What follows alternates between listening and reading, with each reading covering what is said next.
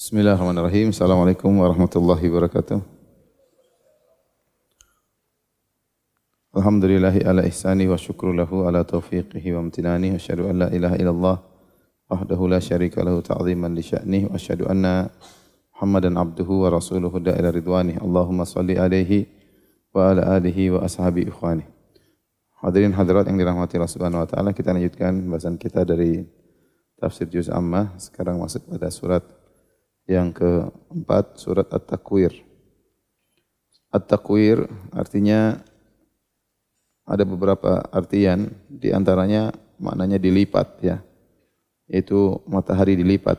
Bagaimana maksud matahari dilipat? Ya. Itu Allah meredupkan uh, cahayanya. Nanti akan kita sampaikan ya maknanya. Uh, adapun surat At-Takwir adalah surat Makkiyah diturunkan tatkala Nabi SAW masih di Mekah sebelum berhijrah ke kota Madinah. Dalam Sunan Tirmidzi Nabi SAW bersabda, "Man sarrahu an yanzura ila yaumil qiyamah ka'annahu ra'ya ain, ka'annahu ra'yu ain."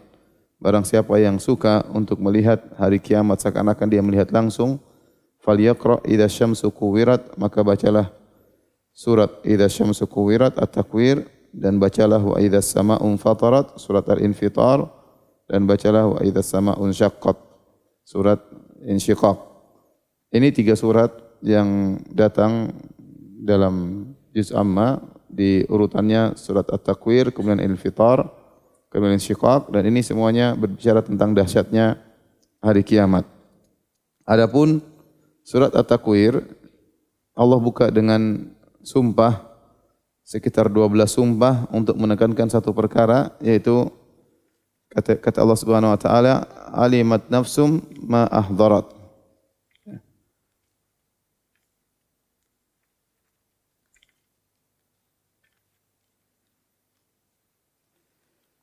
Yang artinya pada hari tersebut maka tiap-tiap jiwa akan mengetahui apa yang telah dia kerjakan.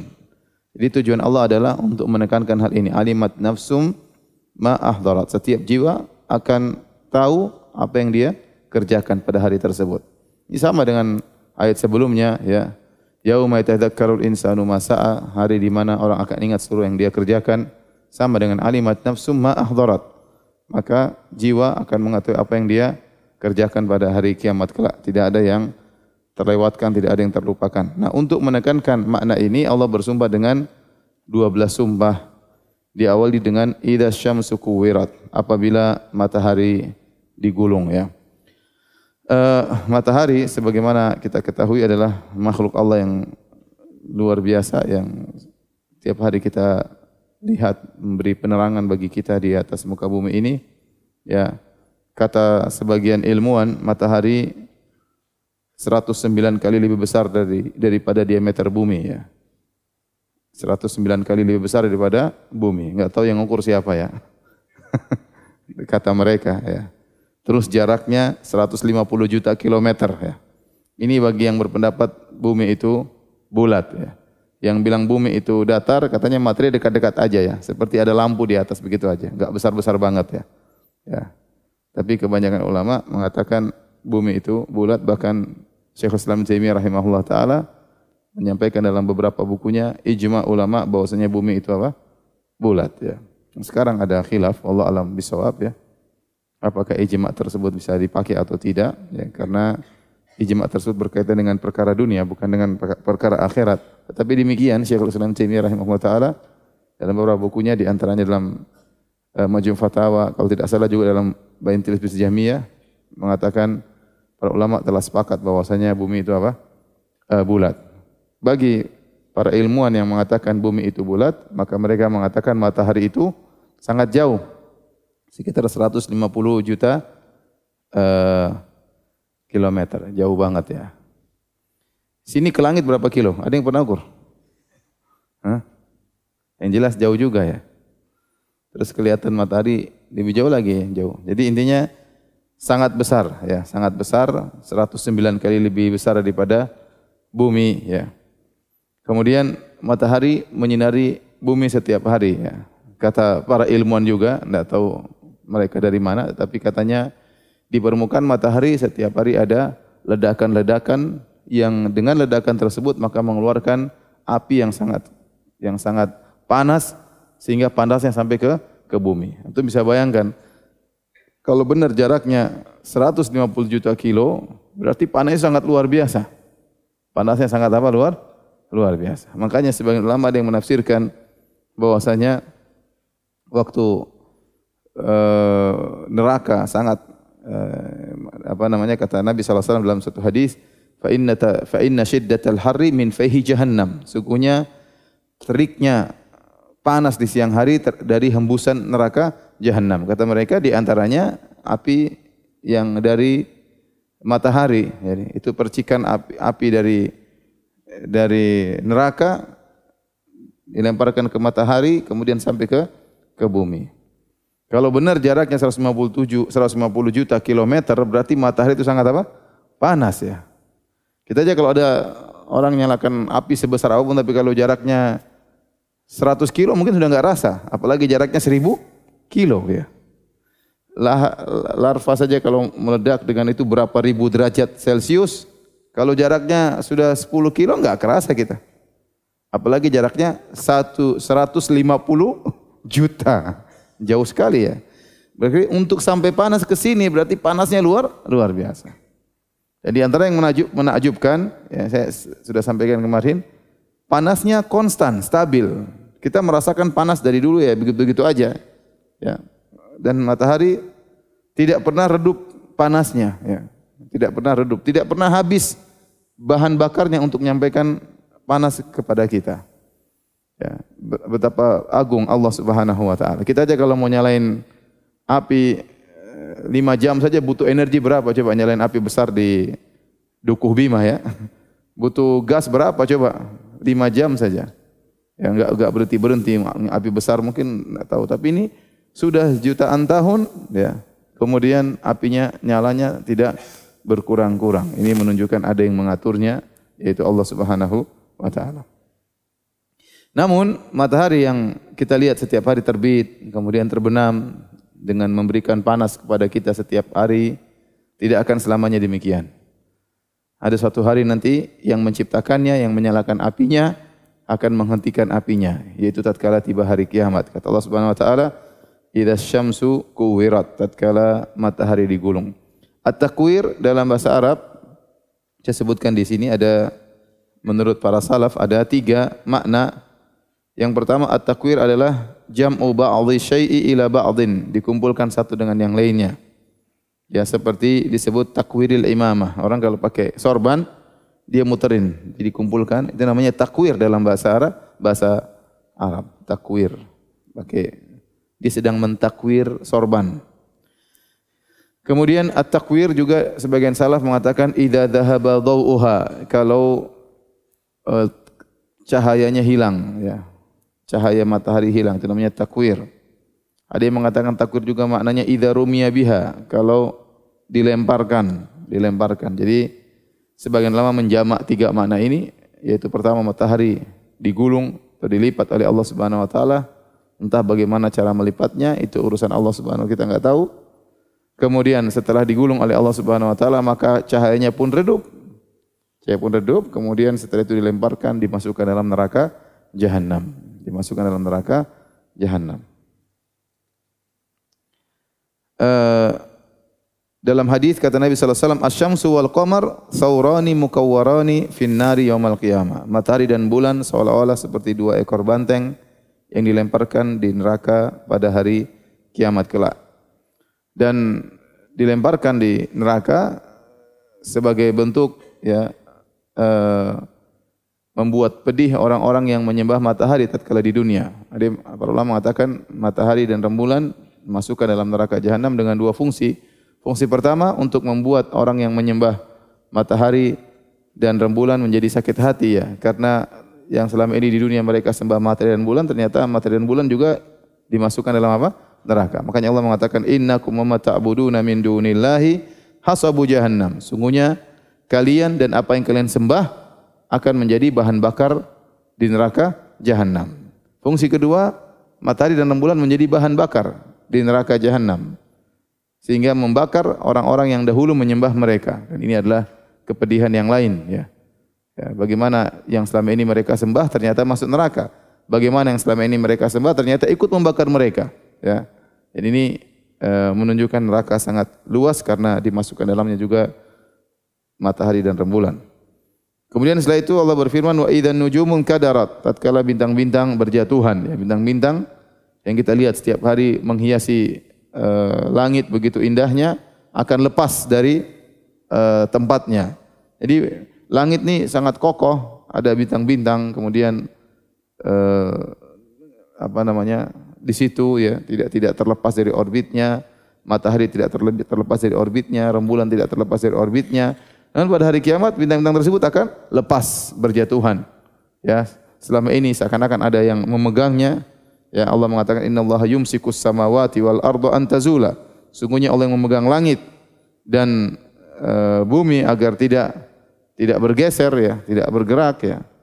Semuanya dipegang oleh Allah Subhanahu wa taala, maka pada hari tersebut kekuatan yang memegang bintang-bintang akan hilang, kemudian bintang-bintang tersebut akan lepas dari dari bingkainya kalau kita bilang, dari tempatnya akan berjatuhan. Kemudian kata Allah wa idzal jibalu suyirat dan tatkala gunung-gunung dihancurkan ya, dijalankan. Suyirat maksudnya diperjalankan, yaitu gunung-gunung yang begitu kokoh dicabut dari pasaknya kemudian berterbangan di udara, berterbangan di udara. Ini pendapat pertama.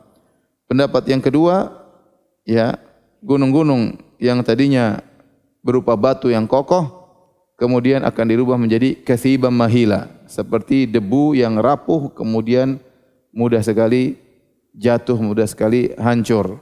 Ya karena eh, gunung di gunung di Arab kalau kita lihat bukan seperti gunung di tanah air. Kalau di tanah air gunungnya rata-rata gunung-gunung pasir ya. Makanya orang ngambilin pasir. Tapi kalau gunung di Arab sana batu ya batu kalau antum ke Madinah antum bisa lihat gunung Uhud itu batu ya. Batu besar yang tertancap dalam dalam bumi ya. Demikian juga gunung-gunung yang lainnya. Tapi kalau gunung di tanah air katanya gunung-gunung apa? Pasir ya. Kayaknya mudah untuk dikikis ya.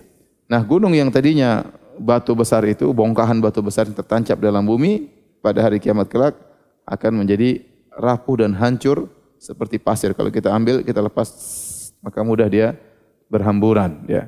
Itu namanya kathiban mahila. Uh,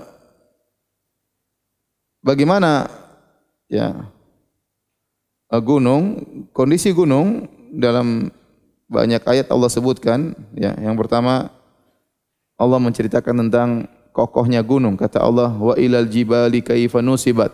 Tidakkah mereka melihat kepada gunung bagaimana ditegakkan oleh Allah Subhanahu wa taala, menjulang tinggi, kokoh, kuat. Tetapi pada hari kiamat, kokohnya gunung ini akan berubah. Tidak selamanya demikian. Karena hari kiamat semuanya berubah. Semuanya berubah. Makanya kata para ulama, sebelum tiba hari kiamat, Allah memberikan tanda-tanda hari kiamat yang menunjukkan adanya perubahan yang aneh di dunia. Seperti munculnya Dajjal, makhluk yang aneh. Contohnya Nabi Isa turun dari langit juga ini sudah yang aneh.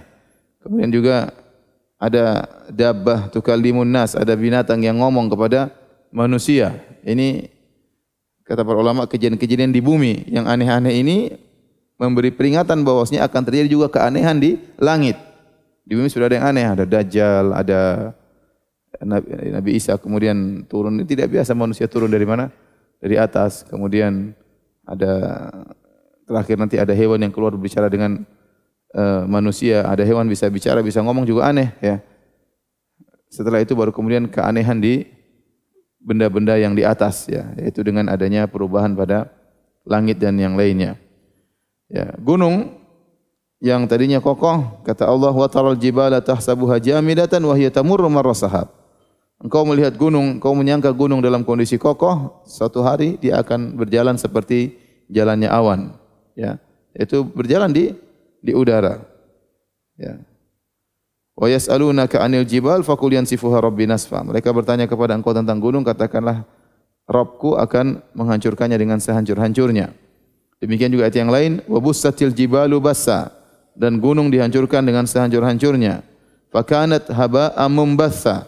Jadilah seperti debu-debu yang berterbangan. Demikian juga yang lain, wa takunul jibalu kal ihnil manfush dan gunung-gunung seperti bulu yang dihambur-hamburkan.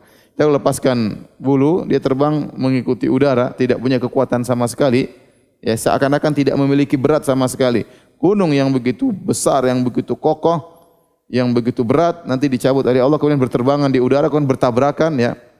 Kemudian seperti enggak enggak enggak ada beratnya sama sekali. Ya. Seakan-akan gravitasi sudah dihilangkan oleh Allah Subhanahu wa. Lepas begitu saja, lepas cabut, kemudian bergerak, kemudian saling menabrak, kemudian hancur seperti debu, jadilah pasir. Kemudian kata Allah Subhanahu wa taala, "Wa idzal 'isyaru uttilat." Wa idzal 'isyaru uttilat. Dan apabila unta-unta bunting yang ditinggalkan. Al-isyar yaitu unta yang mengandung sudah 10 bulan disebut dengan al-isyar ya. Eh, unta itu mengandung 12 bulan ya. Lebih lama daripada antum ya. Antum di perut, di perut ibu antum cuma berapa? 9 bulan. Berarti unta lebih hebat daripada antum. Unta berapa bulan? 12 bulan. Nah, kalau dia sudah berusia 10 bulan dalam kandungan, ini biasanya disayang sekali sama majikannya, diperhatikan. Ya karena sebentar lagi unta ini akan melahirkan ya. Unta mahal makanya sangat diperhatikan. Allah mengatakan jika tiba hari tersebut hari kiamat wa idzal isyaru uttilat maka orang-orang yang sayang kepada ontanya sibuk perhatian terhadap ontanya maka akan ditinggalkan ontanya. Kata para ulama, ada dua tafsir. Ada yang mengatakan ini secara hakiki Artinya menjelang hari kiamat masih ada orang yang ngurusi onta.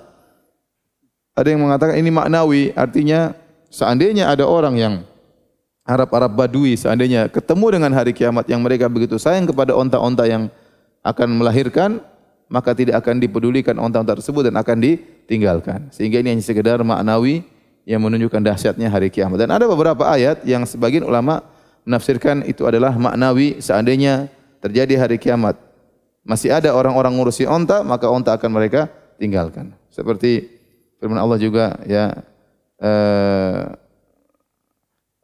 tentang hari kiamat ya ayuhan nasu taqu rabbakum inna zalzalata saati syai'un azim yauma tarunaha tadhalu kullu murdi'atin amma arda'at.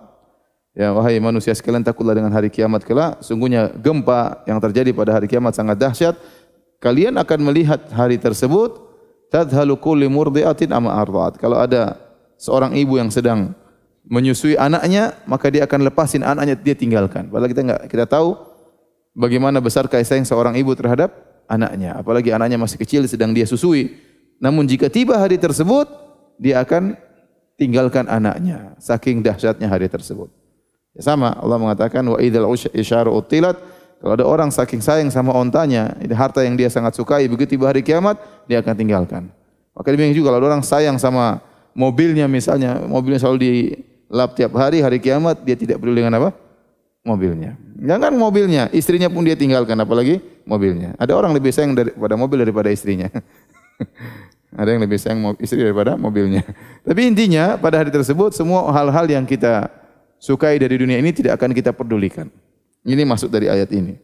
Ya, semua hal yang kita sukai dari dunia ini tidak akan kita pedulikan. Yang sibuk dengan mobilnya, dengan hartanya, dengan emasnya, dengan peraknya.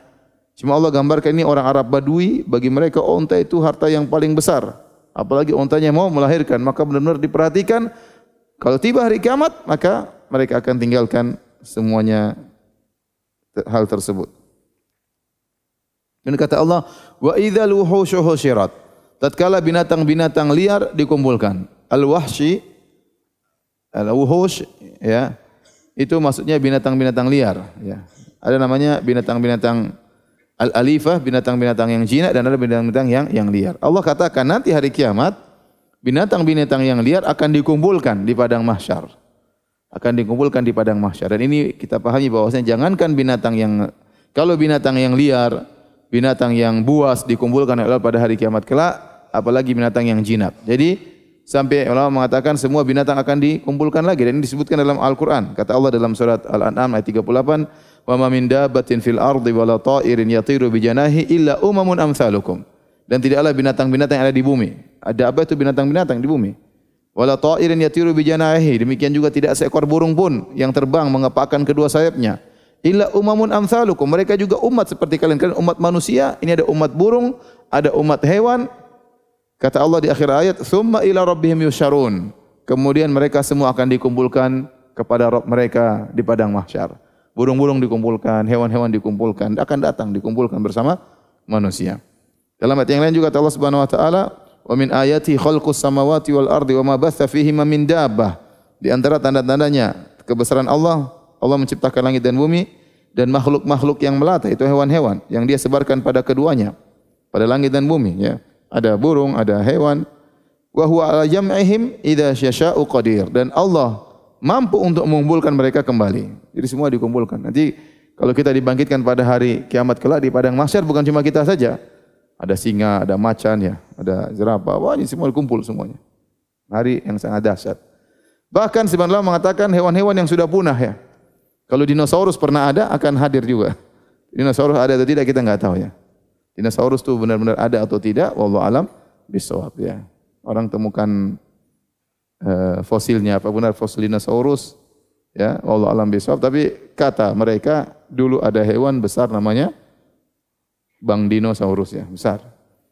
Ya, kalaupun hewan ini pernah hidup ya, pernah hidup, nanti dia akan hidup kembali pada hari kiamat dikumpulkan oleh Allah pada hari yang sangat dahsyat tersebut di padang mahsyar. Kalau hewan-hewan yang tidak dibebani dengan syariat akan dikumpulkan oleh Allah, apalagi manu, manusia. Kemudian kata Allah, wa idzal biharu sujirat dan apabila lautan menjadi meluap. Tasjir ya uh, meluap ya. Ada yang mengatakan meluap, ada yang mengatakan dibakar. Ada khilaf di kalangan para ulama makna dari tasjir. Al-bihar maksudnya yaitu air yang jumlahnya besar namanya al-bahar termasuk air yang jumlahnya besar yang asin maupun yang tawar. Danau yang besar disebut juga dengan bahar, lautan juga disebut dengan bahar, sungai disebut juga dengan bahar. Makanya Allah berfirman, "Wa huwa alladzi marajal bahraini" dan dialah Allah yang membiarkan dua air yang jumlahnya besar saling berdampingan. Hadza athbun furatun. Yang satunya tegar dan sawar, tawar, wa hadza milhun ujaj dan satunya asin. Jadi sungai juga disebut bahar, eh, apa namanya laut juga disebut dengan bahar. Sehingga yang dimaksud dengan wa idzal biharu sujirat ada yang mengatakan ditafsirkan dalam ayat yang lain ya wa biharu fujirat tatkala air laut meluap. Jadi kata mereka nanti pada hari kiamat kita akan tahu di di atas muka bumi ini permukaan laut paling banyak dipenuhi dengan air dibandingkan da dengan daratan. Jadi lebih banyak apa?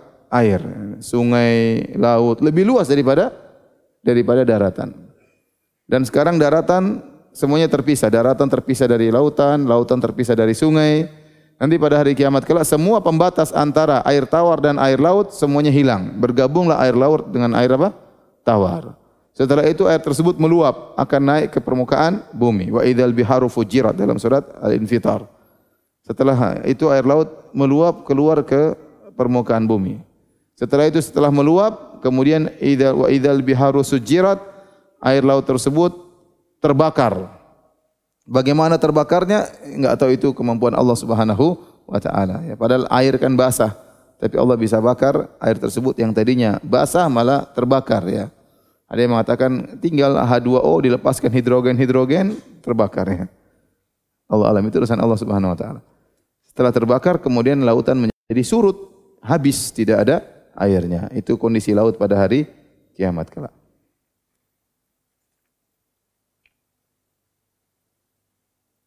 Lihat halaman 132. Saya sebutkan urutannya. Pertama air laut akan meluap 130 di bawah. Kemudian air laut meluber atau tumpah. Yang ketiga air akan menyatu, air sungai, air laut antara air asin dan air tawar menyatu. Yang keempat Allah menyalakan atau membakar air tersebut sehingga lautan air berubah menjadi lautan api. Yang kelima lautan menjadi apa? Kering. Ya. Kemudian kata Allah wa idzan nufusu zuwijat. Dan ketika jiwa-jiwa digandengkan. ya ada beberapa pendapat. Ada yang mengatakan nufusu zuwijat maksudnya jika roh digandengkan dengan badannya.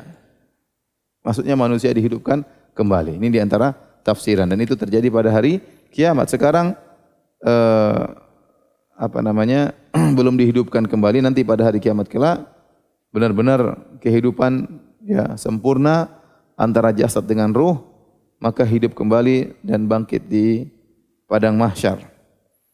Ada yang mengatakan maksudnya wa idzan nufusu zuwijat yaitu orang-orang yang dikumpulkan dengan sejenisnya akan dikumpulkan dengan sejenisnya.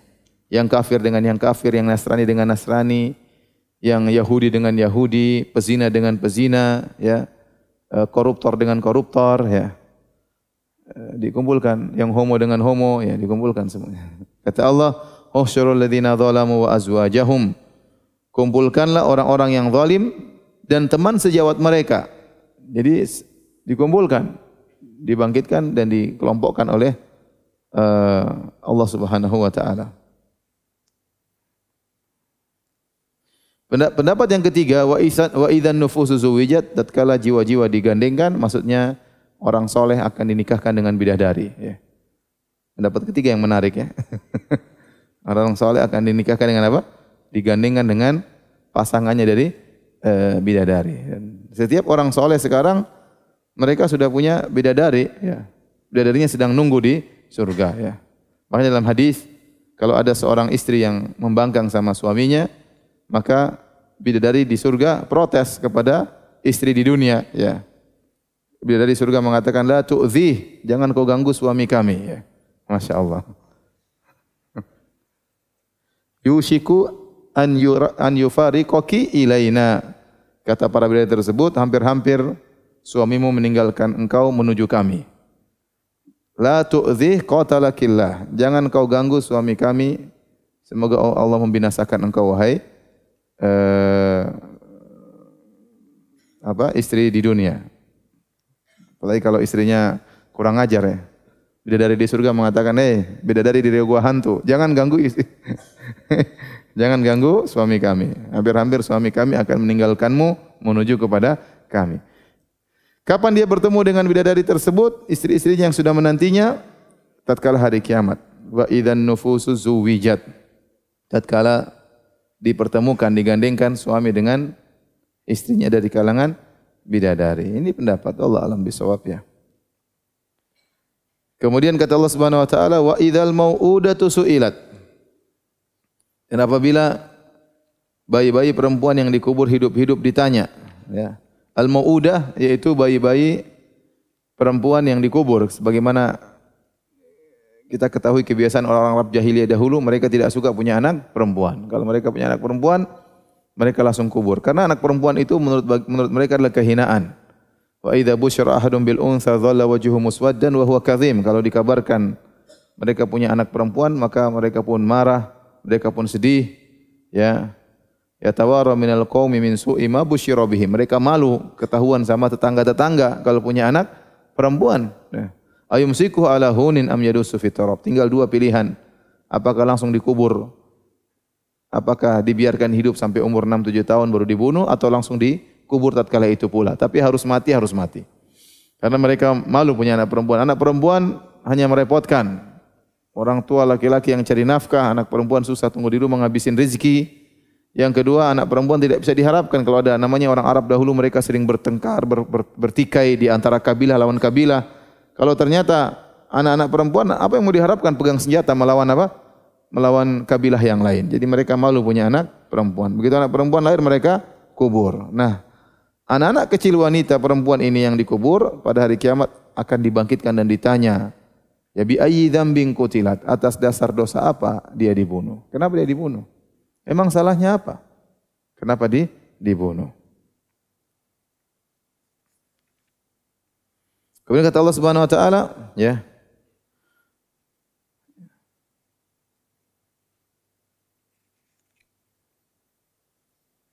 Saya tulis di bagian terakhir halaman 137, ya.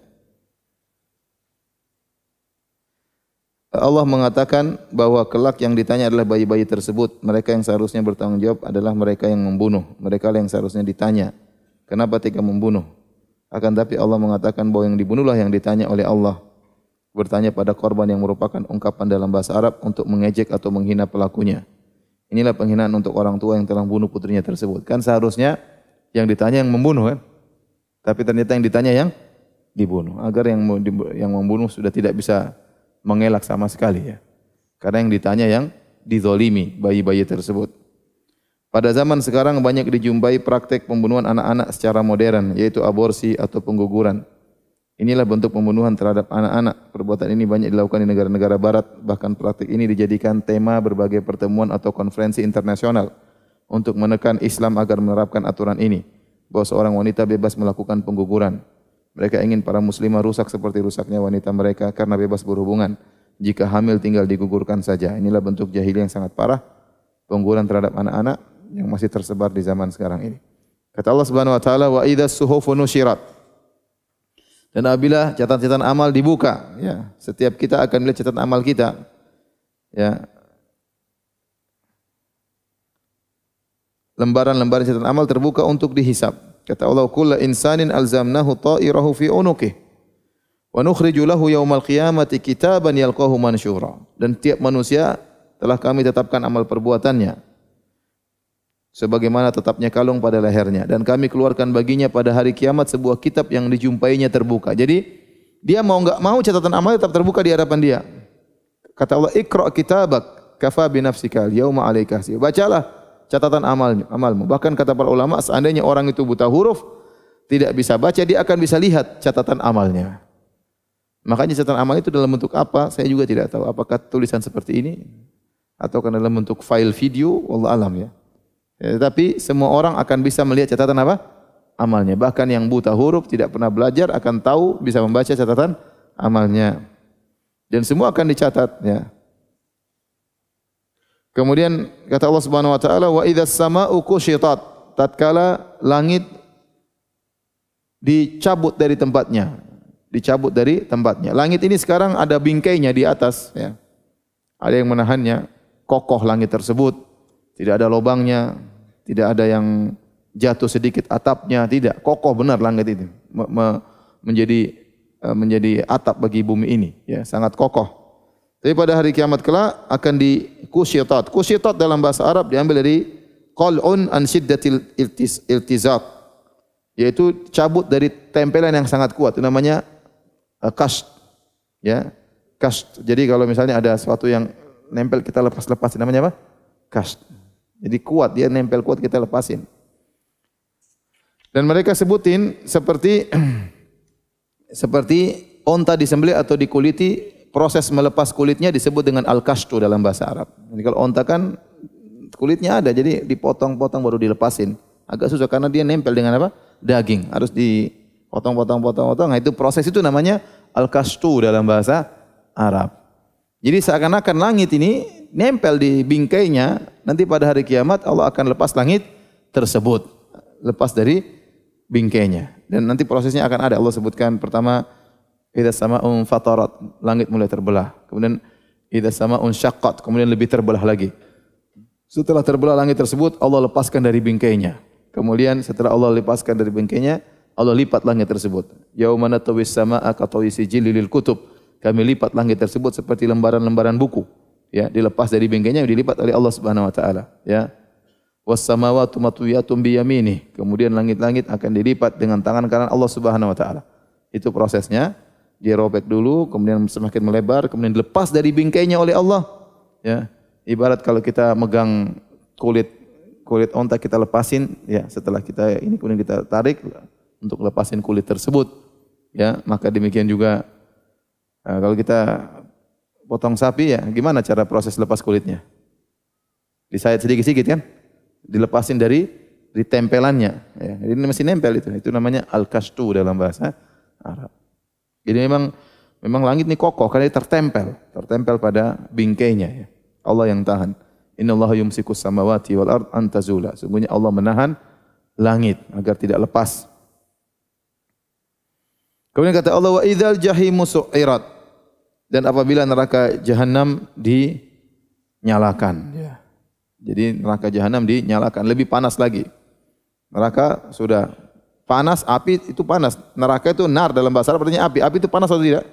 Panas. Tetapi Allah nyalakan lagi. Makanya Allah mengatakan narun hamiyah, api yang dinyalakan. Dibakar lagi, dibakar lagi, sudah dia nyala, dinyalain lagi. Jadi semakin tambah derajatnya, semakin panas, semakin panas, semakin panas. Wa idzal jannatu uzlifat dan tatkala surga didekatkan. Uzlifat artinya didekatkan. Dan ini adalah bentuk pemuliaan terhadap orang-orang beriman. Kita kalau disuruh jalan misalnya 100 tahun tapi lihat depan kita menuju surga, kita nekat jalan 100 tahun ya. Yang penting tahu depan kita ada apa? Surga. Jalan 100 tahun depan sudah kelihatan bidadari. Wow, nekat. 100 tahun jalan bismillah jalan jalan. Semakin hari semakin dekat. Dari 150 juta kilo sudah tinggal 149 juta kilo. Yang penting menuju. Ya, tapi kita tahu depan ada surga tetap aja semangat. Dilihatkan tuh bidadarinya semua orang semangat. Tapi di hari kiamat tidak begitu. Ya. Di hari kiamat surganya didekatin sebagai bentuk pemuliaan terhadap orang beriman. Surganya didekatin. Ya. Dan surga itu dari jarak ratusan tahun sudah tercium apa baunya. Subhanallah. Wa inna rihaha la tujadu min masirati kadza wa dan sungguhnya aroma wangi surga sudah tercium dari jarak yang sangat jauh ya. Saya kadang ingat ini kalau misalnya kita pergi ke Masjidil Haram Masjidil Haram kan mas panas di luar panas. Jarak eh, mungkin 100 meter sudah kerasa AC-nya apa? AC-nya Masjidil Haram dari luar. Uh, uh anginnya udah kerasa. Kira-kira gitu kalau kita jalan di surga, entah masih ratusan kilo, entah ribuan kilo, jutaan kilo sudah kerasa apa? Aromanya. Semakin semangat orang untuk masuk surga. Apalagi didekatkan oleh Allah kepada orang-orang yang beriman. Setelah Allah bersumpah dengan 13 sumpah ini, Allah mengatakan alimat nafsum ahdarat. Kalau begitu setiap jiwa harus yakin bahwasanya apa yang dia lakukan akan hadir di hadapannya. Semuanya. Antum harus yakin apa yang antum lihat, apa yang antum dengar, apa yang antum bisik-bisikan, apa yang antum bicarakan, hasad, dengki dalam hati antum, ria, ujub, semuanya akan antum lihat pada hari kiamat kelak. Ini semua Allah tekankan agar kita yakin bahwasanya apa yang kita lakukan semua ini akan hadir di hadapan kita alimat nafsu ma ahdarat maka tiap-tiap jiwa akan mengetahui apa yang telah dia uh, kerjakan. Sudah itu itu tujuan Allah bersumpah dengan 13 sumpah tadi untuk menekankan ayat ke-14 alimat nafsu ma ahdarat. Setiap jiwa akan tahu apa yang dia uh, kerjakan. Baik, kita lanjutkan tinggal sedikit. Setelah itu Allah masuk dalam uh, paragraf baru untuk menjelaskan bahwasanya Nabi SAW itu benar, utusan Allah Subhanahu wa taala. Sudah sering kita sampaikan orang-orang musyrikin mereka mengakui adanya Allah. Tetapi mereka ragu ap ap apakah akan ada hari kiamat dan mereka juga ragu apakah Muhammad ini utusan Allah sehingga mereka mengejek uh, wa idza ra'auka iyattakhiduna iyattakhidunaka illa huzwan ahadzal ba'atha Allah rasulahu apakah kamu ini rasul? Modelnya seperti begini. Ya. Wa qalu ma li hadzal rasuli ya'kulu ta'ama wa yamshi fil aswaq? Mereka berkata masa ada rasul jalan di pasar makan makanan. Rasul kok kayak begini? Lau laula unzila ilaihi malakun. Kenapa tidak diutus kepadanya malaikat? Wa yakuna ma'ahu nadhira kemudian jadi memberi peringatan bersama dia. Jadi mereka tidak percaya ada hari kiamat. Mereka tidak percaya Muhammad utusan Allah. Sampai di antara mereka yang berkata wahai Muhammad kalau memang kau utusan Allah Tolong bangkitkan, bangkitkan nenek moyang kami yang bernama Qusay bin Kilab. Qusay bin Kilab ini nenek moyangnya orang Quraisy. Semua orang Quraisy kembali kepada siapa? Qusay bin Kilab ya. Quraisy-Quraisy penguasa kota Mekah kembali kepada Qusay bin Kilab. Kata mereka, bangkitkan nenek moyang kami Qusay bin Kilab, nenek moyang saya dan kalian, kami dan engkau wahai Muhammad. Kalau dia bangkit, kami mau tanya, benarkah ini Muhammad utusan Tuhan? Kalau dia bilang iya, kami percaya. Kalau dia bilang tidak, kami tidak. Sungguhnya dia Syekhus Siddiqin. Sungguhnya dia itu nenek moyang yang jujur. ya, ya tidaklah. Sudah mati nanti bangkit hari kiamat. Sama-sama bangkit nanti. Jadi mereka tidak percaya Muhammad utusan Allah Subhanahu wa taala. Maka Allah menekankan Muhammad itu utusan Allah dalam paragraf yang terakhir ini.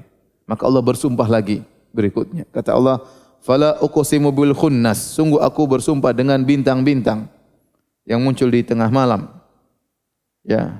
Al jawaril kunnas ya. Yang berada dan terbenam. Wal laili idza as'as. Dan malam yang tiba wasubi idza tanafas. Dan subuh tatkala fajar mulai menyingsing ini Allah bersumpah. Ini bersumpah dengan bintang bersumpah dengan malam bersumpah dengan subuh. Setelah Allah bersumpah, Allah mengatakan, Innahu laqawlu rasulin karim. Sungguhnya, Al-Quran itu benar-benar ya firman Allah yang dibawa oleh utusan yang mulia, dibawa oleh Jibril. Allah bicara dulu tentang Jibril. Jadi maksud kata para ulama di akhir surat At-Takwir ini Allah sebutkan Rasulullah itu sebagai apa? Utusan Allah. Allah sebutkan sanatnya. Bukti bahwasanya Muhammad utusan Allah, sanatnya ada. Muhammad, Jibril, Allah Subhanahu wa taala. Sanatnya sahih. Karena Muhammad, Jibril dari siapa? Allah. Maka Allah puji dulu malaikat Jibril. Innahu laqaulu rasulin karim. Sungguhnya Al-Qur'an itu adalah perkataan yang dibawa oleh Rasul yang mulia itu Jibril. Allah punya utusan yang mengantarkan firman Allah kepada Muhammad. Dhi quwwatin 'inda dzil arsy makin. Yang mempunyai kekuatan yang di sisi yang memiliki kedudukan yang tinggi di sisi Allah yang memiliki ars. Jadi makin Jibril ini memiliki kedudukan yang tinggi di sisi dzil ars, di sisi pemilik ars yaitu di sisi Allah Subhanahu wa taala. Kata Allah muta'in thumma amin. Ya. Dia ditaati di sana di alam malaikat, bosnya para malaikat, malaikat Jibril. Sayyidul Malaikah, pimpinan para malaikat, malaikat siapa? Jibril. Dia punya anak buah banyak dan taat orang taat sama, sama ya, manusia apa malaikat taat sama Jibril. Amin dan dia terpercaya. Di sini Allah muji Jibril semuanya. Kuat, ditaati, amanah, ya. Kemudian setelah itu Allah berbicara tentang kalau bahasa kita rawi berikutnya, rawi berikutnya Muhammad. Rawi sebelumnya apa?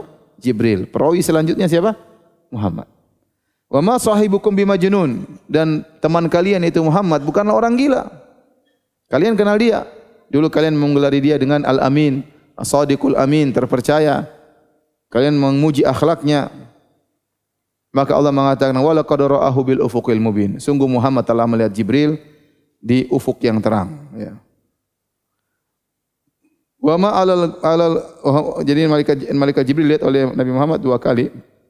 Sudah saya sampaikan kemarin waktu Nabi melihat malaikat Jibril sayapnya terbuka, memiliki 600 sayap. Satu sayap saja dibuka menutup cakrawala. Wa ma huwa 'alal ghaibi bidhanin. Dan sungguhnya Muhammad itu bukan orang yang bakhil untuk menerangkan yang gaib. Artinya Muhammad itu menerangkan seluruh yang sampai kepadanya, tidak ada yang dia sembunyikan. Ya. Dalam sebagian qiraah wa ma huwa 'alal ghaibi bidhanin pakai huruf dha. Sungguhnya Muhammad itu tidak tertuduh tidak tertuduh, dia jujur, dia amanah. Sebagaimana Jibril amanah, Muhammad juga amanah. Tidak ada berita sedikit pun yang dia sembunyikan. Wa ma huwa biqauli syaitonir rajim dan Al-Qur'an bukanlah perkataan yang setan yang terkutuk. Jadi Allah sebutkan, kenapa kalian tidak percaya kepada Al-Qur'an? Al-Qur'an itu sanadnya jelas. Dari Muhammad, dari Jibril, dari siapa? Allah. Semuanya sikoh, terpercaya. Muhammad kalian sudah kenal, ya. Muhammad terpercaya, kalian gelari Al-Amin, dia tidak pernah bohong, tidak ada yang dia sembunyikan. Jibril apalagi, malaikat yang mulia, kuat, amanah, ditaati, bosnya para malaikat. Maka Al-Quran itu bukan perkataan apa? Syaitan, tapi perkataan Allah Subhanahu wa taala. Jadi tuduhan kalian bahwasanya ini tidak benar, ini sihir dan ini tidak semuanya adalah tidak benar. Fa aina tadhhabun? Ke mana kalian akan pergi? Kalau begini ceritanya, kenapa kalian tidak percaya sama Al-Quran? Sudah jelas sanatnya. In huwa illa dzikrul alamin. Sungguhnya Al-Quran itu hanyalah peringatan bagi semesta alam. Liman syaa minkum ayastaqim. Bagi siapa di antara kalian yang ingin istiqamah, yang ingin kembali kepada kebenaran. Wa ma tasyauna illa ayyasha Allah rabbul alamin. Dan kalian tidak berkehendak kecuali atas kehendak Allah Subhanahu wa taala. Selesai surat At-Takwir ya. Yang bisa jawab pertanyaan dikasih hadiah ya.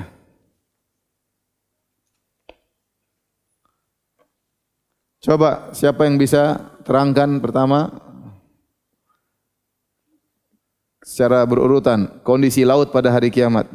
Hmm, Pertama, antum siapa nama? Faris. Lahir tahun berapa? 92, ya. Umur berapa berarti? 27 jalan. Yang pertama eh, kondisi laut itu meluap. Terus? Yang pertama ya meluap, lalu luber. Yang kedua, terus, terus menyatu dari air asin dan yang tawar. Terus? Setelah itu dibakar, setelah itu kering. Iya udah. Kita ke leher. Oh, iya. Pertanyaan kedua, sebutkan tiga pendapat para ulama ahli tafsir tentang wa idzan nufusu zuwijat. Ya, ini. Dan kasih mic-nya. Sebutkan nama, tinggal di mana, istri berapa. Sebut nama. Berdiri, berdiri. Bismillahirrahmanirrahim. Nama saya Bayu. Tinggal di Bogor. Hmm. Istri alhamdulillah baru satu. Alhamdulillah. Tiga pendapat apa ya? Oke, tiga pendapat tentang waidan nufu Nufusu zuwijat. susu wijat. Dan apabila ruh-ruh dipertemukan.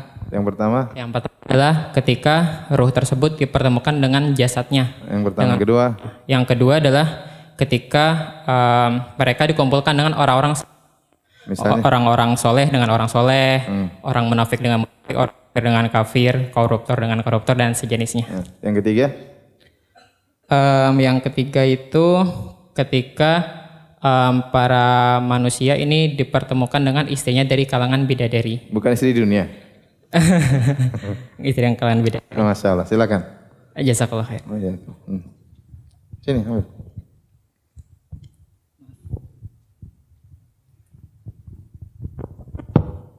Insya Allah. Pertanyaan ketiga. Apa maksud dari wa idzal isyaru utilat? Siapa yang bisa ulangi? Nih, coba berdiri. Berdiri, berdiri. Tidak boleh melihat. Nih. Kasih, kasih, mic-nya. Tolong, Mas. Sebutin nama, tinggal di mana, umur berapa? Assalamualaikum warahmatullahi wabarakatuh. Nama saya Hmm? Muhammad Irfan Nabawi, asal dari Bogor. Umur berapa? Umur 19. 19. Belum nikah berarti? Belum. Oh. Yaitu penjelasan tentang waiza isyaru utilat, yaitu orang-orang yang mencintai apa? unta yang hamil yang biasanya di disayang-sayang karena apa ingin melahirkan Mau Karena melahirkan. dia mau melahirkan karena unta itu adalah hewan yang berharga tiba-tiba ketika datangnya hari kiamat itu mereka tinggalkan Hmm, maksudnya? maksudnya orang-orang yang mencintai mencintai bisa di itu apa diakumulasikan misalnya mencintai harta benda atau istrinya atau segala sesuatu yang dicintainya akan ditinggalkan Ya, Masya Allah. karena saking dahsyatnya hari kiamat Masya Allah. Jazakallah khair. Fadal. Hmm. Ini buat mahar ya, bisa.